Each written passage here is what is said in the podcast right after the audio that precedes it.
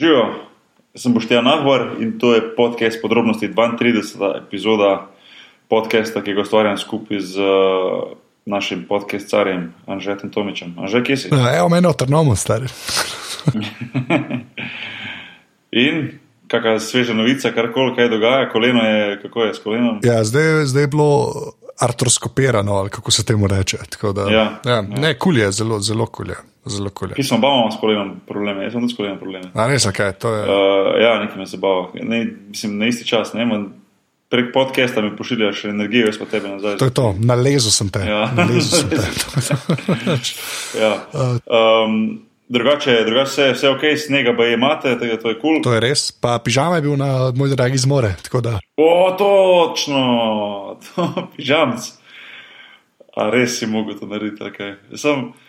Lej, vse je kul, cool, sem če pa kjer vdaje, ne, no, to pa res, moj dragi zmore. Si gledal to, si gledal to epizodo? ja, ja, sem gledal. Ne, Jaz sem samo videl na reklame, da je bil sem rekel, ne, to, to, je, to, mi je pa, to mi je pa to, da niti gledati ne morem. no. Ne, ne, mogo bi gledati, ker je bilo ful dobro, ker je imel kao, mogo je kao uh, kvote filozofov samo dajal in jih je mogel gant.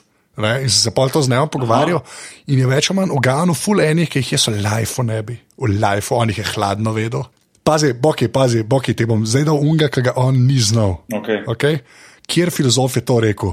Mislim, torej sem. E, ne vem, znano mi je, sem ne vem. priznam. Ne, Descartes. Kako? Descartes. Ok, okay, zdaj- okay, ampak to bi mogel vedeti, zdaj me zdaj je prav narodno. Ja, okay. Ampak, od, ampak od da pižamo, da to ni vedel, ne, to je pa. Ja, točno to, točno to. Veš, ne mi dva šalabajzerja, ne? to je pižamc, on vse ve. I think, therefore I am. res je, To, res je. tako. Uh, da se vse malo odkupim, da znam angliško povedati.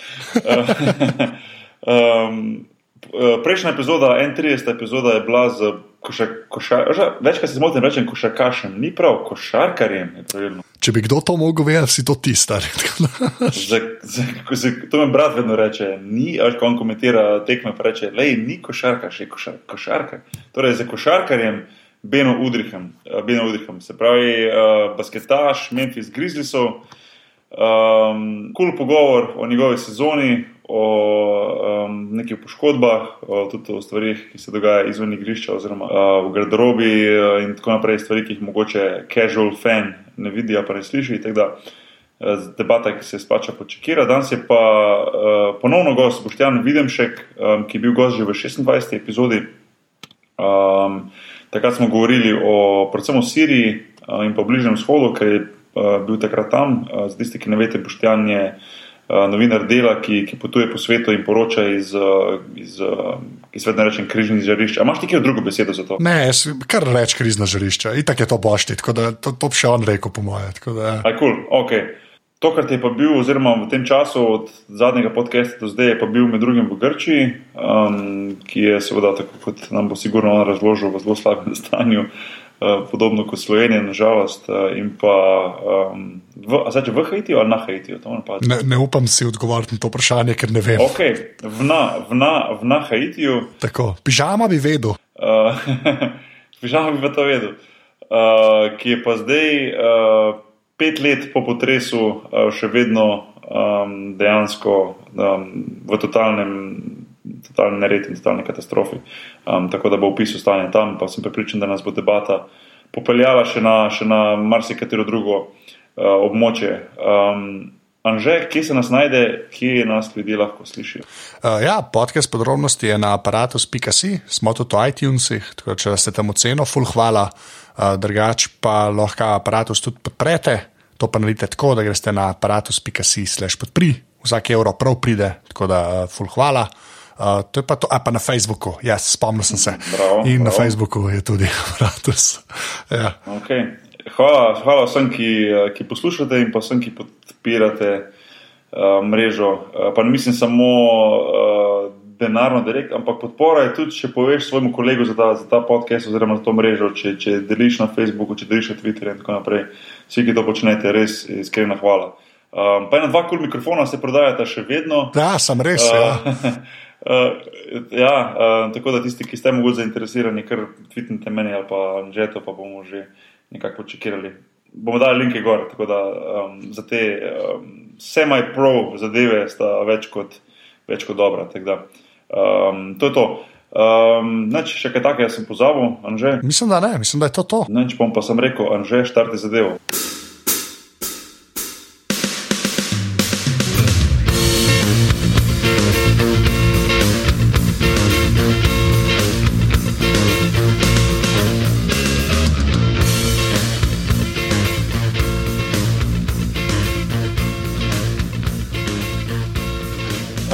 Z nami je spet uh, Boštjan Videnšek, uh, živijo Boštjan.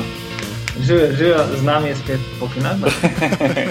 Hvala za ta double intro. Uh, kje si, kaj dogaja? Uh, doma sem, sedim za svojo mizo in čakam, kam nas bo vse skupaj odpeljalo, drugače imam pa kar ekstremno intenzivno obdobje za sabo, odkar smo se na zadnje slišali in pogovarjali.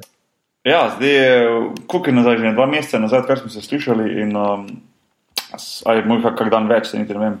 Uh, in smo takrat rekli, da, da se bomo vsake toliko slišali, da mal uh, naš update s tem, kaj se dogaja po svetu, glede na to, da si ti zelo aktiven um, na različnih področjih uh, pokrivanja uh, kriznih žarišč po svetu in uh, to je ena taka stvar, ki tako mene kot težeta vedno zanima, tako da imamo ta privilegij, da se lahko spet slišimo.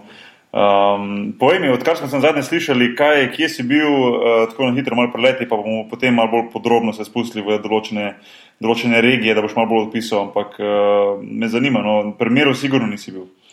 Ne, niti slučajno nisem bil primeren, nikakor pa ni bil to čas, ki bi ga intenzivno preživel na kriznih žariščih v klasičnem pomenu, če govorimo o vojnah. Uh -huh. uh, bil sem v Grčiji, ki jo razumem kot krizo vseh nas in jo spremljam že kar ene, sedem let intenzivno in hodim v Grčijo poročati o naši prihodnosti, vse čas.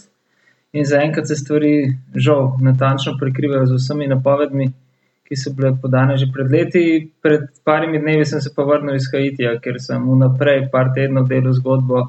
Pet let po katastrofalnem potresu, ko je umrlo 220 tisoč ljudi, in to ne v tem klasičnem, kako bi rekel, posthumanitarnem um, kontekstu, v katerem se govori o številkah in pozabi na človeške usode, ampak sem šel en globok kontekst tega, kako je sploh mogoče, da nek potres, ki ni bil blazno močen, ubije toliko ljudi in kaj vse stoji za to zgodbo. In to so počeli teh deset dni na Haitiju. No. Zelo natančno se ukvarjajo praktično od klimatskih sprememb do uh, deforestizacije in vseh razlogov, mislim, vseh napak ki so se skazali za sistem zahodne civilizacije, ki so Haiti naredili mogoče za najbolj trpečo in na nek način tudi trpežno državo zahodne hemisfere. hemisfere. Čakaj, sam, kva, ka, ka, kako nemočen potres? 7-0. Veš, v, uh, mislim, da 10-14 dni kasneje, ne me za jezik držati, v Čilu bistveno, bistveno, bistveno močnejši potres. Ne? In na Haitiju je umrlo 220 tisoč ljudi, uh, to je zelo, zelo dobršen del odstotek prebivalstva, ne, glede na to, da je trenutno na Haitiju živi 10,5 milijona ljudi. Uh, večina teh ljudi je umrla v Port-au-Prince, v prestolnici, zaradi več razlogov. Zaradi erozije, zaradi prenaseljenosti Port-au-Prince, prestolnica se je v zadnjih četrt stoletja, 25 letih, za štirikrat povečala po številu prebivalcev, po površini pa niti kaj dosti več. Uh, hkrati tam ne delujejo nobene, uh, hm, rekel, nobeni, tisto, kar se mi predstavljamo pod javni servisi. Ne, uh, gradnje so v najhujše oblike slamo, uh, hiša na hiši, če se temu lahko reče. In uh, okoli uh, praktično ni nobenega drevesa. Uh, Haiti je sicer nekoč ekstremno zeleno, zelo bujna država, do prihoda kolonizatorjev in do francoskega brutalnega sužnega lasništva in zlatih časov francoske države, ki je zgolj zaradi Haitija uh, močno dvigal na svoj BDP. Ne. Haiti je bil v času uh, francoske kolonije najbolj, če govorimo o jeziku moderne ekonomije, najbolj učinkovit. Prostor moderne ekonomije tistega časa. Na Haitiju je bil neoliberalizem v svoji najbolj brutalni obliki izumljen, resnici. Cena sužnja na Haitiju je bila petkrat večja kot cena sužnja kjerkoli drugje v zahodnem delu sveta. Uh, zaradi tega, ker so bili te sužnji že na začetku v tem, kar nočemo, boju po nekem socialno-darvinističnih načelih izbrani kot najmočnejši, najboljši um, tudi v svetu svojih let. Ampak so tudi živeli manj kot kjerkoli drugje v zahodnih hemisferi. Trenutek, ko so odšli od, iz Afrike, kjer so bili ukradeni svojega naravnega okolja do trenutka, ko so umrli v povprečju minilo od 5 do 7 let. In uh, na Haitiju je takrat vse čas manjkalo delovne sile, ker se ljudje preprosto niso mogli razmnoževati tako hitro, kot so hitro umirali. In to je vrh. vrh ej, Okay. In to, to, to je vrhovni, vrhovni greh. Uh, šli smo nazaj, da razumemo tukaj in zdaj. In ta tukaj in zdaj je neposredno nadaljevanje. So tako, uh, kot je napisal Laurent Dubois, uh, francosko-haitijski pisatelj, uh, profesor na eni ameriški univerzi, to so samo popotresni, to, kar danes gledamo, so popotresni sunki zgodovine. Oh, ta je pa poetska, lepa. Ja, ampak dobesedna je natančna. ne. Ja, ok, fair enough. Ok, čak se malo. Zdaj, pre, še enkrat, zdaj, ker sem vprašal za ta potres, ne, koliko je bil pa pol ur v Čilu? Mislim, da je bil 8,1, ta je bil 7,0. Sedem, že, to je že, to je že orang, ne? Sedem, ni to veliko. Ja, ni to. Že, že, samo 220 tisoč žrtev. a ne. Ja, ok, to je noro, ja, to je balano. Ja, okay. Noben potres v moderni zgodovini ne, na tako majhnem prostoru ni ustvaril takšne škode. In še ključen podatek: 2 odstotka celotnega ozemlja Haitija sta samo pokrita z drevesi. Sosednja Dominikanska republika, ne, ki leži na istem otoku, Hispanjoli, tam meja, meja med Haitijem in Dominikano je tako lepo očitna na Google Earthu. tako Ne rabiš uh, zemljevida in ne rabiš enciklopedij, da to meja, in uh, globusa, da to mejo vidiš. Ne. Greš na Google Earth in vidiš, kje je meja. Z- zak- Zakaj je taka razlika? Zakaj ni dreves? Zakaj je samo Ja, ker so francozi v času, na začetku, ne, v, v svojih zlatih letih, kot rečeno, služili lasništvo, so popolnoma, popolnoma porušili vse, kar je bilo dreves. Ne. In iz teh dreves, ki so posledej tako cveteli, so zgradili lesena mesta, hkrati pa so ta vrhunski les izvažali v Evropo in se z njim gadno obogatili. Uh, to je potem povzročilo erozijo, um, zasolitev zemlje, ne, in ta zemlja praktično postala neuporabna za kakršno koli na eni strani obdelavo uh, v korist vem, kmetijstva, agrikulture, na drugi strani za ponovno uh, pogozda, za pogozdovanje. Ne. Uh, Zdaj sicer so z nekimi strašnimi NGO programi to obudili, ampak še vedno uh, smo na dveh odstotkih. In to je tako rekoč gola zemlja. To je puščava sredi idealnih klimatskih pogojev, uh, veš, za tropsko sadje in zelenjavo. Ka- Kako, kako sploh prideš tja, mislim, normalno z avionom, pa kako izgleda tam recimo vsa ta infrastruktura? Mislim, mora biti zelo potovanje tja, se predstavljam, da ni lik zdaj po najbolj normalnih poteh ali pač. Ne, ne, ne, to je full simple. a Veš, letiš iz Miami ali pa iz New Yorka. Aha, vseeno, vseeno, je to ni, to, ni, to ni problema. Se pravi, ti kaj iz Evrope lahko tja letiš, ali kako? Uh, iz Evrope je zelo malo zelo malo direktnih letov. Jaz sem letel uh, tja preko New Yorka, nazaj pa prek Miami, uh, prek Miami ki je full blizu. Ne? In imaš ravno to, ko imaš dve, dve matrici. Ne? Jaz bi rekel, ne Miami, ne New Yorka, ne Porto Prensa ne razumem kot absolutne resnice o nas. Ne? Jih pa razumem kot dva močna ekstrema eh, eh, resnice, ki, ki, resnice, ki jo žal zelo dobro poznamo. Ne? In ko prideš, a veš, iz uh, New Yorka, sej, Porto- mora, mora, se mora biti šok, ne? Vzletiš v New Yorku, en totalni skatren, priješ, postaneš pa v Porto Prince, ki je v bistvu. Ja. Mislim, to, so, to, je, to so take spremembe, ne? To je, sem tega sem jaz vajen. Uh, Ja, za tebe to ni, ne, ja, sej, ne, sej. Mislim, jaz sem to malo poleti držal, ko- sem potoval, ko smo malo govorili o tem. Ampak, ampak ja, to, to, so, to, so, to so take malo zelo. Za enega takega, ki ne potuje skozi in ki to mogoče vidi prvič, pa, pa misli, da je to pripravljeno, pa v bistvu ni, so to orenj spremembe. Ne. Kako si se pa ti soočil s tem, a si imel slabo vest, da ti ni bilo uh, tako, kot si pričakoval? Um, no, ne, ne bi rekel slabo vest. Jaz sem se orang, zdaj bom, zdaj bom uporabil izraz izobrazil, preden sem šel v smislu, da sem res čim več materijala pogledal, pa prav videti, pa prebrati o, o čadu, preden sem šel tja. Tega sem bil malo pripravljen. Ampak vseeno, nekako, uh, ko, priješ, ko priješ tja, uh, pet ur leta iz Pariza, veš, uh, v bistvu pet ur leta, kaj to, ni neče, razumeš, greš na, avion, pre, pogledaš en film, malo knjige prebereš, pristaneš pa se vedno čisto da na drugem svetu. In, in to mi je bilo najhujše. Mene je bolj, ta, mene je bolj to zmotilo, bolj kot ta velika razlika je ta, ta mala distanca med, med zahodnim svetom, pa, svetom pa med, med, med eno propadlo državo. To se mi zdi, ne vem, a veš, to se mi zdi čudno, da 2000, leta 2014, da, da, da so še tako ogromne razlike na takih malih eh, distancah. Sploh zdaj, ko imamo to tehnologijo, da lahko ti dejansko po celem svetu prepotuješ tako hitro. Eh, To, Med Izraelom in Gazo je nekaj metrov. Bravo, dobro, dobro, dobro, dobro si rekel. No. Ampak ja, veš, to me je, to me je presenetilo. No. Um, Pa poleg tega, da to smo se že pogovarjali ne, v enem od podcastov, da je bilo ogromno Kitajcev tam. Ne. To je ta podatek. To me, to me je, ne, dejansko pristaneš na letališču v Džameni, v Čadu, in ko sem šel od letališča proti našemu hotelu, oziroma pač približku hotela, ki je bil. Aha, se že protežuješ.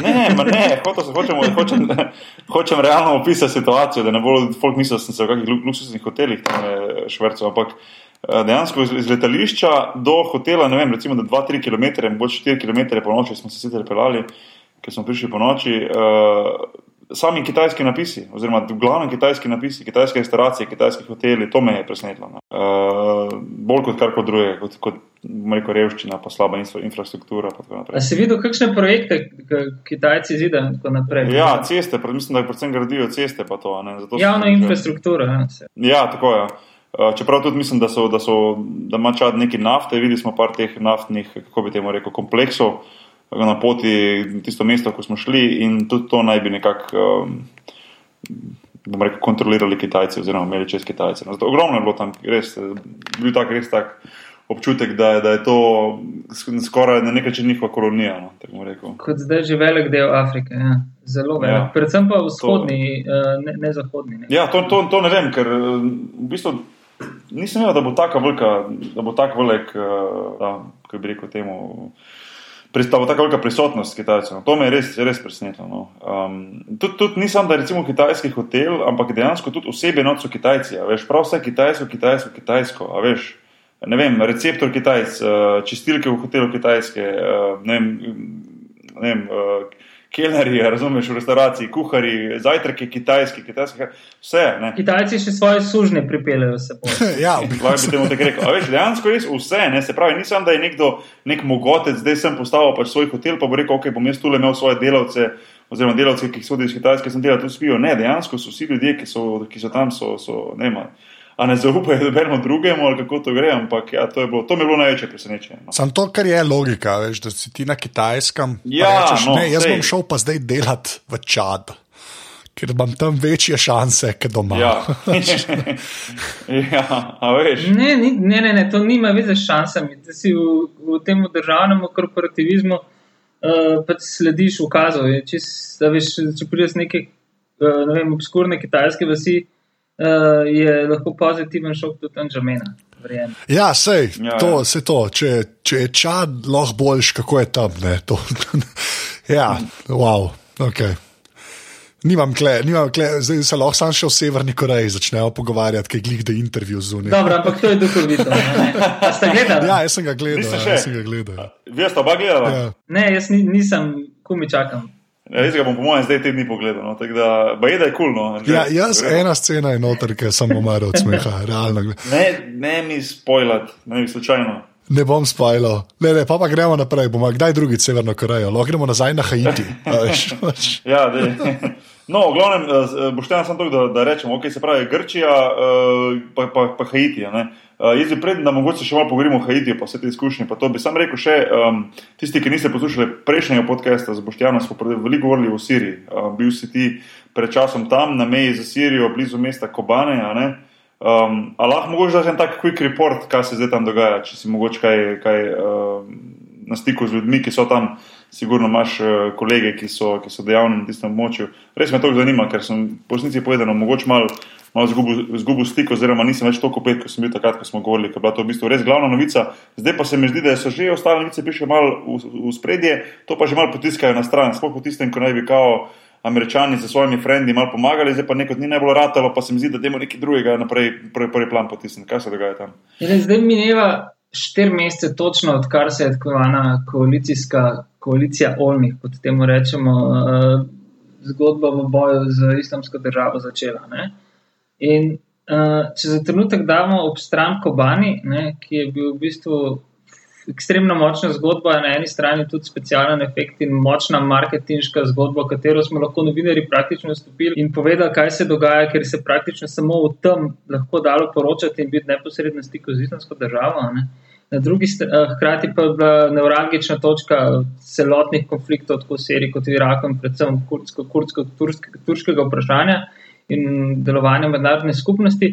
Imamo zdaj po teh štirih mesecih ne samo uh, poraz koalicije bi že bil, če bi rekel, da je stanje nespremenjeno. Ne? Jaz pa si, upam zatrditi, da je islamska država kljub porazom na gori Sinjar, uh, večinoma s kurdskimi silami in tudi iranskimi specialci, ki so se pridružili popolnoma nekompetentni in recimo temu lahko si upam reči debilni iraški vojski. Ne, um, produktu. Ja, sem bral, sem bral tvoj članek oziroma o tem, kaj se tam dogaja. Mislim, vse bomo dali v link za to. Smes, uh, bi bilo, kako se že reče, no, bi bilo smešno, če ne bi bilo tako žalostno. Ne? Ja, ampak, ne, ampak je tudi smešno. Ja. Priznajmo si, da se temu da smejati. Uh, Zaradi tega, ker le, milijarde in milijarde dolarjev, uh, 12 do 13 let fizične vojaške prisotnosti am, ameriške v Iraku, um, govorjenje o neki absolutni brutalni vojaški sili, ki ruši vse pred seboj. Um, po vsem tem garanju inštruktorjev, ne? ampak tukaj ni Teleksa v garanju, to resno mislim, ker sem se v to pripričal živo večkrat. Ne? Tako res so trdo delali z iraškimi častniki in počasniki. Uh, seveda pa imam pomankanje razumevanja konteksta in kako stvari delujejo in zakaj iraška vojska ne more biti iraška vojska, ki je lahko samo etnična vojska, imaš pa samo kurdsko, sunitsko, šiitsko vojsko, ne pa več iraško nacionalno, ker pač država ne obstaja več, niti razen na papirju, in ne obstaja niti več iraška jo, odnos do iraške nacionalnosti, kaj šele iraška identiteta. Ne? Pričakovati, da bo ta iraška vojska delovala kot sila, ki bo branila državo in preprečila razvoj ne vem, nekih velikih terorističnih, pa skrajnih milic, kot je recimo islamska država, je popolna utopija. Ne? In že dolga leta spremljam pos, neposredne posledice, ne samo ameriške, ampak tudi temu zahodne zunanje politike. Ne? In se mi zdi, ali sem jaz neumen, pa ful preveč pričakujem od načrtovalcev lete, ali sem pa spet jaz neumen, pa narobe razumem, kaj se v resnici dogaja. Ne? In se mi zdi, da vse čas tisto, kar se nam, ki stvari intenzivno spremljamo, zdi napaka. Ne? Je le ena napaka in še ena napaka deluje zelo sistematizirano. In uh, tako v Afganistanu in Iraku, imamo dva konkretna primera, imaš 230 milijard dolarjev vrženih v nepovrat, izgubljena leta, neskončno število izgubljenih življenj, hkrati kot kolateralna škoda, če se izražamo moderno še naprej. In imaš potem končen rezultat, popolnoma nekompetentno, tako afganistansko kot iraško vojsko, ki sta bile ustanovljene, oziroma se ustanavljata v imenu tega, da boste to državo varovali enotno ohranile. Nasprotno, ne, tako sta boge, da se ne morete obraniti niti pred neko mehko milico, kaj šele islamsko državo, ki pride z nekaj sto ljudmi v Musul in jih prežene v der kot ta zadnje pezdete. Kako to, če bi pa mogli američani kaj prijeti in kaj že bilo, gritete z Liberators, pa Hearts and Minds. Pa. No, no, vse so, so prišli, ampak na ta način pa ravno niso bili pozdravljeni. Uh, ampak od tega je, se mi to zdi normalno, ne minilo že 11,3 četrte. Ja, se to, glej, to sem hotel reči, ne. to je zdaj res že cajt. Ja. Tako, to ni več, veš, se mi zdi, vem, no, da, da je to res zdaj že eno obdobje tam ratu. Veš kaj sem, to je zdaj tako, zdaj se bo vedel za to, ker zdaj bo Afganistanci bo glih kar na Ruse pozabili. Glede, kako cajta tole z američani traja. Ne. Še huje, zdaj se mnogim se ob misli na sovjete že zbuja nostalgija. okay, in se ne zajabavam, ne, to je čisto izključno iz faktov terenskih. Okay. Zato, ker so dejansko v tistem času zgradili neke, oh, kitajski sindrom fine delujoče uh, infrastrukture. Ne, zelo kompaktnih blokovskih naselij, ki še danes, kljub sem bombardiranjem, stojijo. Ne. Drugačen stil. Ja. Ja, ja, ja. Bohi ti to veš, ne? sem verjetno nisi živel v njih satelitskih blokih. Videl sem jih več kot preveč. Ja. Ja. Ne, zdaj, ki si glih Afganistan omenil, jaz sem gledal pač na Netflixu sta dva dokumentarca, ki sta sicer tako ameriška, ampak enemu se reče Restrepo, en je pa Korengal. Gledal sem Restrepo, oba, oba sem gledal. Mm, jaz tudi, ja. Aha, sta gledala, hodo, ok. Ja, se, se isti avtor. Ja, a ni? isti avtor je. Ja, ja. Ja, ja, vrhunsko. Ja, ker se mi zdi tako relativno, glede na to, da je američanke med američani, ne, Ja. se mi zdi do, dokaj iskreno pokazano, kaj te ljudje tam počnejo. Tako. Ja, Saj te, ta, točno te vojaki, ki so tam. No, tako. Dej malo, mogoče, mogoče malo piše dveh stavkov, tisti, ki ne poznajo, da bo vedeli, o čem se pogovarjamo. No. Eh, Ti boš, po mojem, boljše že, kot jaz. Ja, v bistvu gre za to, da je bil ta, ki je filma oba dva posnel, uh, bil embeden. Kako se to, Boštjan, reče uh, po, po slovenski? V posteli, za pa, pa dodajaš poljubnim prijateljem, sovražnikom. Ja. uh, bil je pač v posteli za to, v bistvu celo enoto, ki je bila v tej uh, dolini Korengal. Res na enem hribčku, in zdaj, ko tam oni to prikažejo, so okoli in okoli pač živeli uh, Afganistanci in pa pol talibani, odvisen, koga vprašaš, kdo je kdo. Ne? Se je točno to, nisem, nisem mogel vedeti, kdo je kdo. Ja, in so Ja. jih več ali manj šicali konstantno, in oni so šicali nazaj. Vrsten red si malo na robe postavil. Ok, okay. Ja. To, to je mogoče res. Ne? Šitanje. Okay, tako, si upam reči, ne, zdaj kot popoln laik, ne, da gre za dokaj, dokaj netipično, netipičen ameriški dokumentarc. No. Že iz tega razloga, ker ni tak, uh, uh, večina, no, ni taka, we're the good guys in to je več ali manj to. Ne. Ne, sem predstavi, tek sem dobro čutil, da pač predstavi dejansko tisto br, brezvezno stanje tam, ki je. Oziroma, tako, ne, ne brezvezno, ni prava, ni prava beseda. Um, na taki eni mrtvi točki. A ne, a veš? Ja, okay, Oni ja. so tam, ta je situacija in ne se ne premika. Se, ko je prvi del gledaš, pa drugi del gledaš, a ne, se, veš, ko sta povezana nekako med sabo, a ne, ta prvi pa drugi. Ja, Ja, seveda. Uh, mimo grede, snemalci uh, pokojni v- je umrl v Libiji. ja, ja, ja, tega so v. Libiji. Ja, Da je nekaj. ja, ja. Ne, ker se res sedajo zraven, se vidiš, da grejo prav z njimi na te, ko imajo te patrols, pa to, ne, ampak Ja. dejansko nič, nič, nič se ne premakne, tako nekega, a veš, kaj mislim, misliš, da bo neki, nek premik, da bo čez, ker to, to ni film v enem tednu, pa enem dnevu, oni so bili tam dolg, dolg časa, ne. To so meseci, ki se oni, ona dva se vračata domov in potem on na koncu sam dela. In, Ja, ja, ja, ampak dejansko nič se ne spremenja. Ne? A veš, in sam se mi zdi, vedno bolj gre film proti koncu, bolj so mizerni vsi te, te vojaki, ki so tam nekako. Uh, dobiš normalno feeling, tiste camaraderie med sabo, da imajo to spoštovanje, da bi en za drugega dal življenje, vse to tisto, kar je nekako uh, neka taka osnova, nekaj teh ameriških marincev, kar koli že. je, ne. ja, v vojni se ne boriš proti sovražniku, ampak za tistega poleg tebe. Ne. Tako, tako. Ampak se pravi, ne tistega nekih premikov, pa ni neke, neke, ajde, neke vojaške zmage, pa nekaj, da bi rekel, da, da ima film nekaj v tem smislu neko zgodbo. Pa ne, da me film razočaral, veliko nasprotno.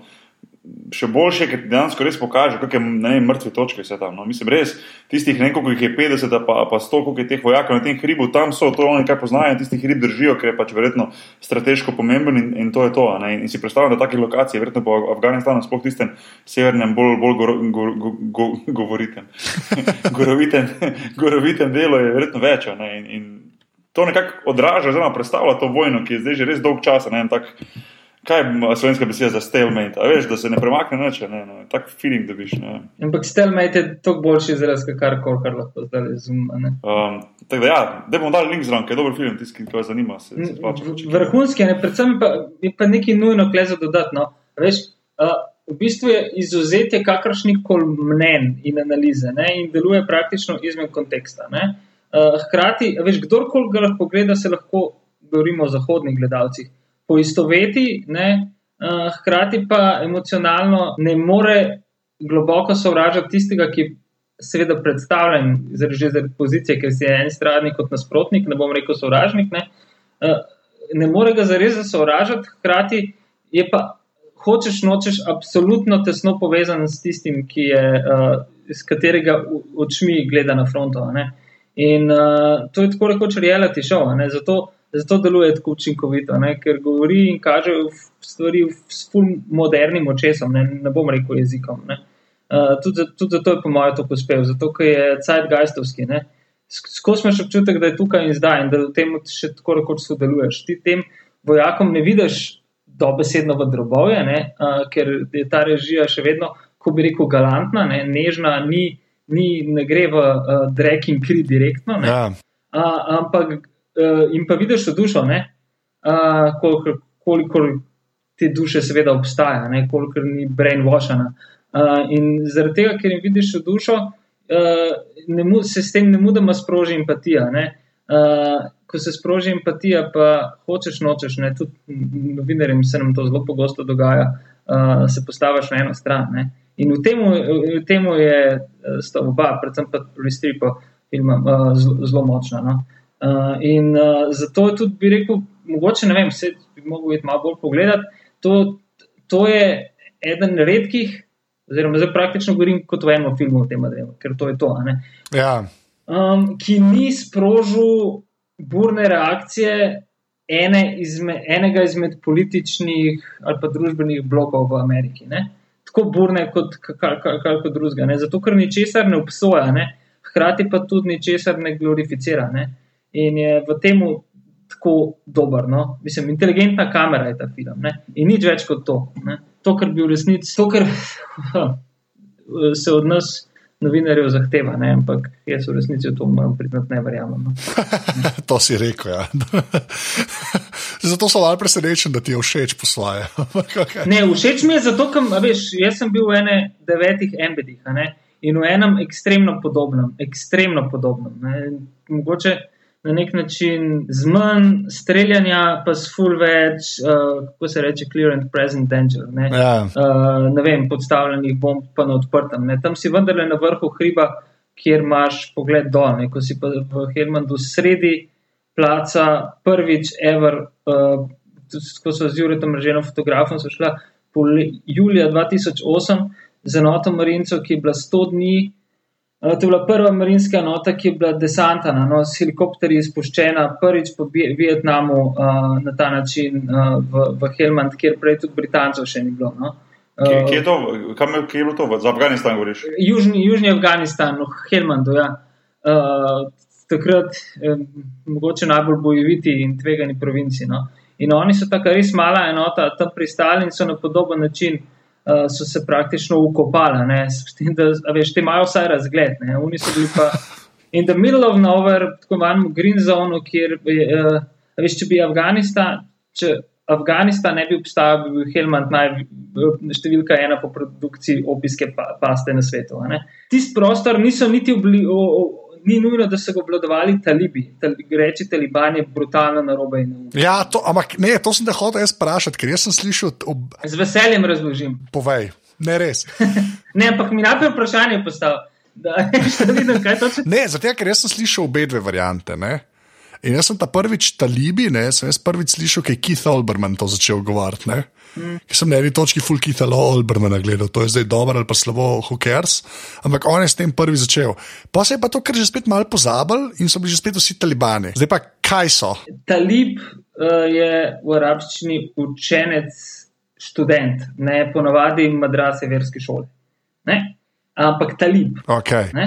In uh, Angleži ne, so pa iz tega izpeljali ta, Taliban. Ne, Taliban. Aha, Mi smo potem to iz angliške verzije slovenili v Talibane. Ne? Aha. Taliban bi mogla biti v tem smislu že uh, množina, kot v angliščini. a ne? ja, ok, fair enough. Ja, mislim, ni čisto fair enough, zato ker imamo mi to tako, veš, tudi znotraj dela. Recimo, mi smo praktično, se mi zdi, še zmeraj po vseh teh letih edini, uh, pa predvsem prek- zaradi mojega zastiranja pišemo talib. Ne? Ampak to je že od leta 2001, se še vedno prepiramo. Verjamem, verjamem. to. ne, pa se to je ful, meni je to dosta fascinantno, ker se te zadeve pač primejo. Ne. Pol pač tako je, ne. to je pa ta, kaj ta ekočember na eni točki zmeraj mrata. Ne. Tako da, ja, ok, ampak kul, cool, talibi, od zdaj naprej. S tem, da tudi talibi niso talibi, ne? Veš, gremo zdaj v detajle. Ne? V tem trenutku, pač, veš, zdaj pač so se stvari pojačale, Pakistan itd., Ameri se umikajo, Kukre se umikajo, umaknila se večina evropskih sil, Kanačani in tako naprej, Avstralci več odavno.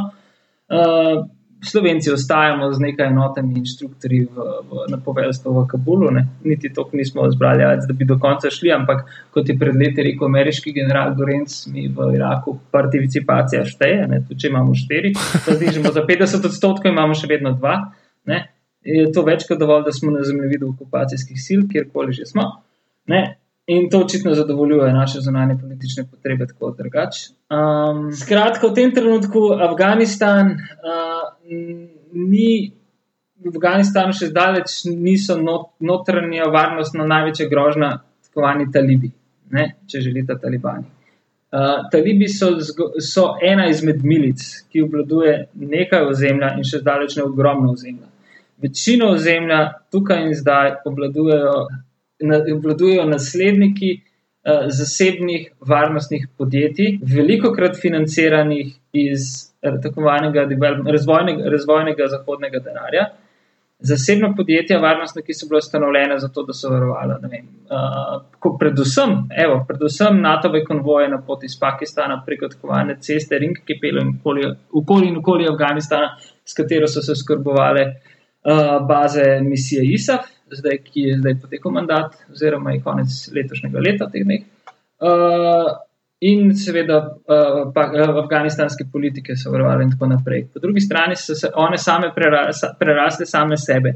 Uh, okupacijske sile um, ali pa mednarodne, mednarodna vojaška prisotnost je naredila ogromno napako, ker je naredila praktično isto kot v Iraku. Težko bi rekel, da se učimo iz napak, ampak delamo naprej sistem. Uh, to, to, to ne bo uh, zelena ali rdeča nit ne, tega pogovora. So napake vedno sistem. No. Uh, etično, etnično so, etnično so uh, preferirale v enem trenutku Tadžike, v enem trenutku Uzbeke, v enem trenutku Hazare, ni še najmanj v enem trenutku Paštune, ne, ki so pač večinoma iz paštunskih, iz paštunske etnične skupine prihajajo talibi, ne, uh, tradicionalno.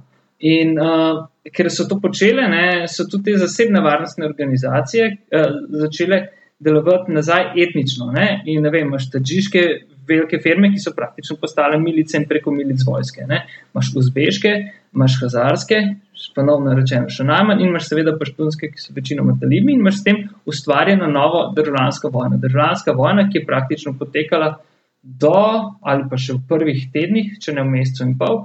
Uh, začetka mednarodne vojaške operacije oktober 2001, ne, ko je uh, se Amerika skupaj z Veliko Britanijo odločila podpreti um, Šejka Masuda, uh, poveljnika Severnega zavezništva, uh, oziroma tisto, kar je ostalo od Šejka Masuda, ki je umrl dan pred 11. septembrom v naštelanem intervjuju, spet smo se spomnili na, na severni korejski film, uh, kjer so ga ubili ravno talibski agenti. Severno zavezništvo je bilo praktično težiško uh, in se je borovalo, bojevalo proti paštunski zasedbi Kabula in uh, Afganistana v 90, prvi polovici, pa tudi v drugi polovici 90-ih let, tudi v času, ko so talibi po letu 96 zavladali Afganistanu. Uh, in smo si, bi rekel, Zahod ponovno izbrali svoj proxy army za bojevanje za lastne cilje. Ne? In ta proxy army v tem trenutku uh, zopet presegla samo sebe in je pripravljena na novi krok uh, afganistanske, zdaj že tako rekoč večne. Uh, na Božič uh, pred 35 leti so Sovjeti vstopili v Afganistan, uh, že skoraj večne permanentne vojne. Uh, zdaj raste, mislim, da že tretja generacija Afganistancev, ki ne poznajo ničesar drugega kot vojno stanje. Torej, vojna je normalna. Ja. Ne, se to je, to sem prej študiral, ko sem začel o tem govoriti, zdaj že res tako dolgo traja, da je, je, si že skoraj skor navajen, veš, da je to del, del novic, del življenja, da pač ja, Irak, Afganistan, to se to včasih zdaj že vleče v bistvu, da, da in kot si rekel, neka ena generacija je dejansko ne da jih to zanima, te mlade otroke, ampak ja, je zrasla gor s tem, ne, da je pač tam to krizno zarišče, oziroma vojna in kdo ve, koliko časa bo to še trajalo, predtem se bo sploh to umirilo. Um, prej si, prej si omenil, uh, ko si rekel opi, ko si omenil. Jaz sem večkrat videl, na, na, sem prebral, oziroma sem gledal ali dokumentarce. Ali, kak ta news clip, kaj takega, da v bistvu eh, naj bi tudi med drugim ameriška vojska pazila te, big, te velike popi filce, oziroma te opiske, kaj opi polja, ker so raste, raste maka, kaj da imajo potem opi res tega in tako naprej. A si ti kaj takega videl sama, je to tukaj res na tem, v bistvu, zakaj je to tako, eh, normalno to je vse biznis, si predstavljam, ampak da bi bilo to očitno, da bi ameriška vojska dejansko pazila ta polja, ki se potem prezvaja droga in si predstavljam, da normalno pošilja na, na zahod. Mislim, To je malo težko, realno, si to doživel, ki je zelo slišal. Jaz sem videl ogromno teh polij in z ameriškimi vojaki, predvsem z marinci, so se po teh poljih uh, sprehajali v nočnih in dnevnih patruljah. Kako so to, to velika polja, več velika polja? To, ne ne za številka v hektarjih, ampak je to nogometno igrišče, je to stolometno igrišče. To, veš, mislim, kako je to? Ful, tež, ful težko povem. Uh, v velikosti. No, lahko povem samo to, da to ponovadi se vedno nahaja ob edinem vodnem veru in uzurpira celotno, rekel, kmetijsko proizvodnjo ne? in na račun opija pač še naprej strada, pa še bolj strada lokalno prebivalstvo. Uh, itak je pač predvsem v Helmandu, ki je eden najbolj vročih delov zemlje in najbolj suhih, je voda dobesedno suho zlato. a ne. In tam pač temu tako manj zelenem pasu, uh, kjer voda teče, ne, uh, teče predvsem zato, ne, in je voda tam prisotna in se, uh, in se lahko namaka ne, uh, uh, zemljo, uh, izsušeno zemljo, samo zato, ker je bil tam, v, mislim, da v sredini 50-ih let narejen največji jez v Afganistanu, ni treba dvakrat ugibati, kdo ga je gradil v tistem času. ne. In uh, to, to, to je najbolj neposreden vpliv, po moje, uh, Združenih držav na uh, proizvodno opija v Hemadu. Ne, uh, ne verjamem v uh, teorijo zarote, ne, da je pač.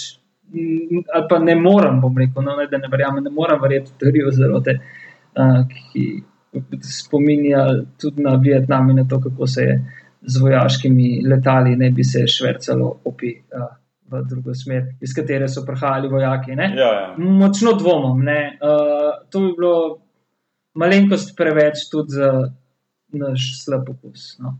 ja. Ne. Uh, mislim, da preprosto tega ni treba. Seveda se je treba postaviti glasno vprašanje vraga, ne? kako je mogoče, da imamo iz leta v leto rekordno žetev. Uh, predvsem je problem, da se nič ne naredi. Veš, uh, samo ko ti prideš, uh, je treba upoštevati tudi nek socialno-ekonomski lokalni kontekst. Ko ti prideš v neko, nek prostor, neko, re, ne, recimo temu, um, nek county, ne, malo več kot občino, ne, recimo, ki izključno in samo eh, lokalna ekonomija živi od proizvodne opijske paste. ne. Izven konteksta konfliktov in globalno, globalno, globalnih sporov, stran od američanov, stran od talibov. ne. Imaš prostor, ki ga obvladuje, to je tudi pomemben del afganistansko-varnostno-ekonomske zgodbe, pač tako imenovane opijske milice. Ne. Lokalne milice, ki jih obvladujejo lokalni šejki, uh, ki, nad, uh, ki so del tudi lokalne skupnosti in imajo praktično organizirano. Malo, imajo gospodari vojne na nek način, ne? ki ni nujno, da vojni sodelujejo, morda so nekoč ali pa še bodo, ki obvladujejo ta mali prostor in imajo v njem organizirane med drugim lahko tudi šole, neke vrste, kako bi rekel, socialno državo v senci. Ne? In samo zato, ker so pač, veš, so bogati, ne prodajajo to pasto, uh, prodajajo opi in tok in tok ljudi, ne bom rekel, zaposlujejo, ampak dela za njih, mnogi seveda tudi v, v su- suženskih odnosih.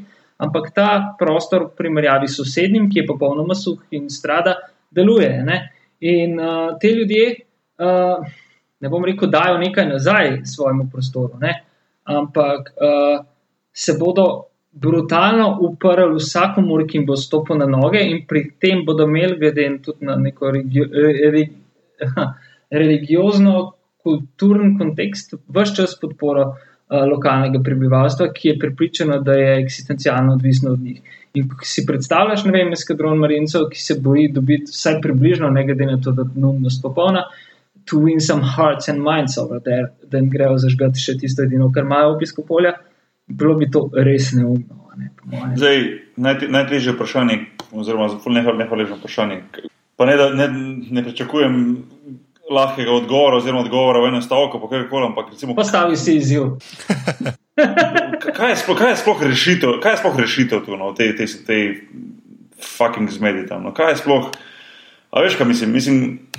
Jaz, kaj, kaj, lahko, kaj lahko, recimo, ti, ko si videl, ko si bil tam, ko si živel, ko, ko poznaš regijo, recimo, ko se pogovarjaš z ljudmi, um, obstaja sploh rešitev za, za nekako rešiti vse te konflikte, oziroma ta vozo, ki je tam narejen. Ali, ali lahko pričakujemo, da bomo to dejansko rešili 10, 20, 30 let, oziroma da konec našega življenja spremljali tam to stran, ki se dogaja. Ker, tako sem prej rekel, ni nekih, nekih, nekih premikov, ni nekih, ne, ni nekih pozitivnih zgodb iz te regije, da bi rekel, da se stvari postavljajo na, na, svoje, na svoje mesta. Vem, Ostala, ostale lokacije po svetu, ki smo jih gledali, nekako se je vse, bolj ali manj se je vse porihtalo. Nekako, Uh, ja, vojna je bila, ne vem, vse so strani, ki prije s tem, razumeš, ampak nekako se je potem to umirilo, se, se je se, se postavile stvari na, na, nazaj na, na svoje mesto in tako naprej. Tist, ta regija, ko govoriš tam za Sirijo, Afganistan, Irak, pa to, to pa ne, ne zgleda konca, mislim, ni, ne. kaj je ta vakum, ta problem, da, da, da ni enega, ki bi prevzel, ali, ali enostavno, ali enostavno uh, no, noben ne najde rešitev, da, da se v bistvu vsi, vsi gledajo drug drugega, se pravi ena država druge in, in se in drug drugega skažejo na, na, na, na prstom, ti si kriv za to, ti si kriv za uno, ker dejansko dobiš občutek, da, da, da, da se bo to nadaljevalo nedogledno. Mislim, kaj gledaš ti na to? Nikakršne rešitve ne vidim. Ne? Pod A, to je za en stavek. Ne? uh, pod B v več stavkih. Um, je pa, živimo v času, kot že rečeno, če se ne motim, zadnjič vstopa v popoln vihar, popolno nevihto, ne? v katerem se konflikti, ki so se še pred nekaj leti zdeli, um, kako bi rekel, um, razprašeni ali pa ne dotikajoči se drug drugega, posta, postajajo zelo interaktivni uh, in uh, med seboj močno, močno povezani. Ne nujno ideološko, ne nujno religiozno, ne nujno socialno-ekonomsko, uh, ampak hkrati pa vsaj približno z, z enem izmed teh treh omenjenih ključnih razlogov za vojne. Uh, eden izmed teh treh faktorjev nekje dominira. Ne. Tam, kjer pa so prisotni vsi trije faktori, ne, to pa absolutno vključuje širše območje Srednje Azije in seveda predvsem Bližnjega vzhoda, Severne Afrike, pa uh, se zdi, bojim se, no, da je ta um, globalni konflikt, ki se bo družil uh, v tem prostoru, neizogiben. No. To, ko smo že govorili v prejšnjem podkastu. To, ko smo že govorili. Ja. In, uh, veš, malce se mi zdi, sorry, no, naivno se mi zdi razmišljati o rešitvi permanentnih vojn. Ne, ne smemo. Uh, tako, mi smo, predvsem na Zahodu, nagnjeni k uh, temu, da ima zgodovinsko obdobje, pa zgodovina sama po sebi omejen rok trajanja. Uh, Veš, kar pozabimo. Točno to, točno to. Ja, ja, ja. Pozabimo na to, da je mogoče mir, da je mogoče mir uh, incident, ne vojna. Ne? A, uh, da, se, zdi se tako, kot da je. Uh, ne verjamem več v to, da je mir naravno stanje. Ne? Uh, želim si seveda, da bi bil. Ne? Tako kot si želim, da bi ključen razlog uh, vseh vojn pohlep v taki drugačni obliki večkrat bomo zopet slišali človeštvo precenjeno.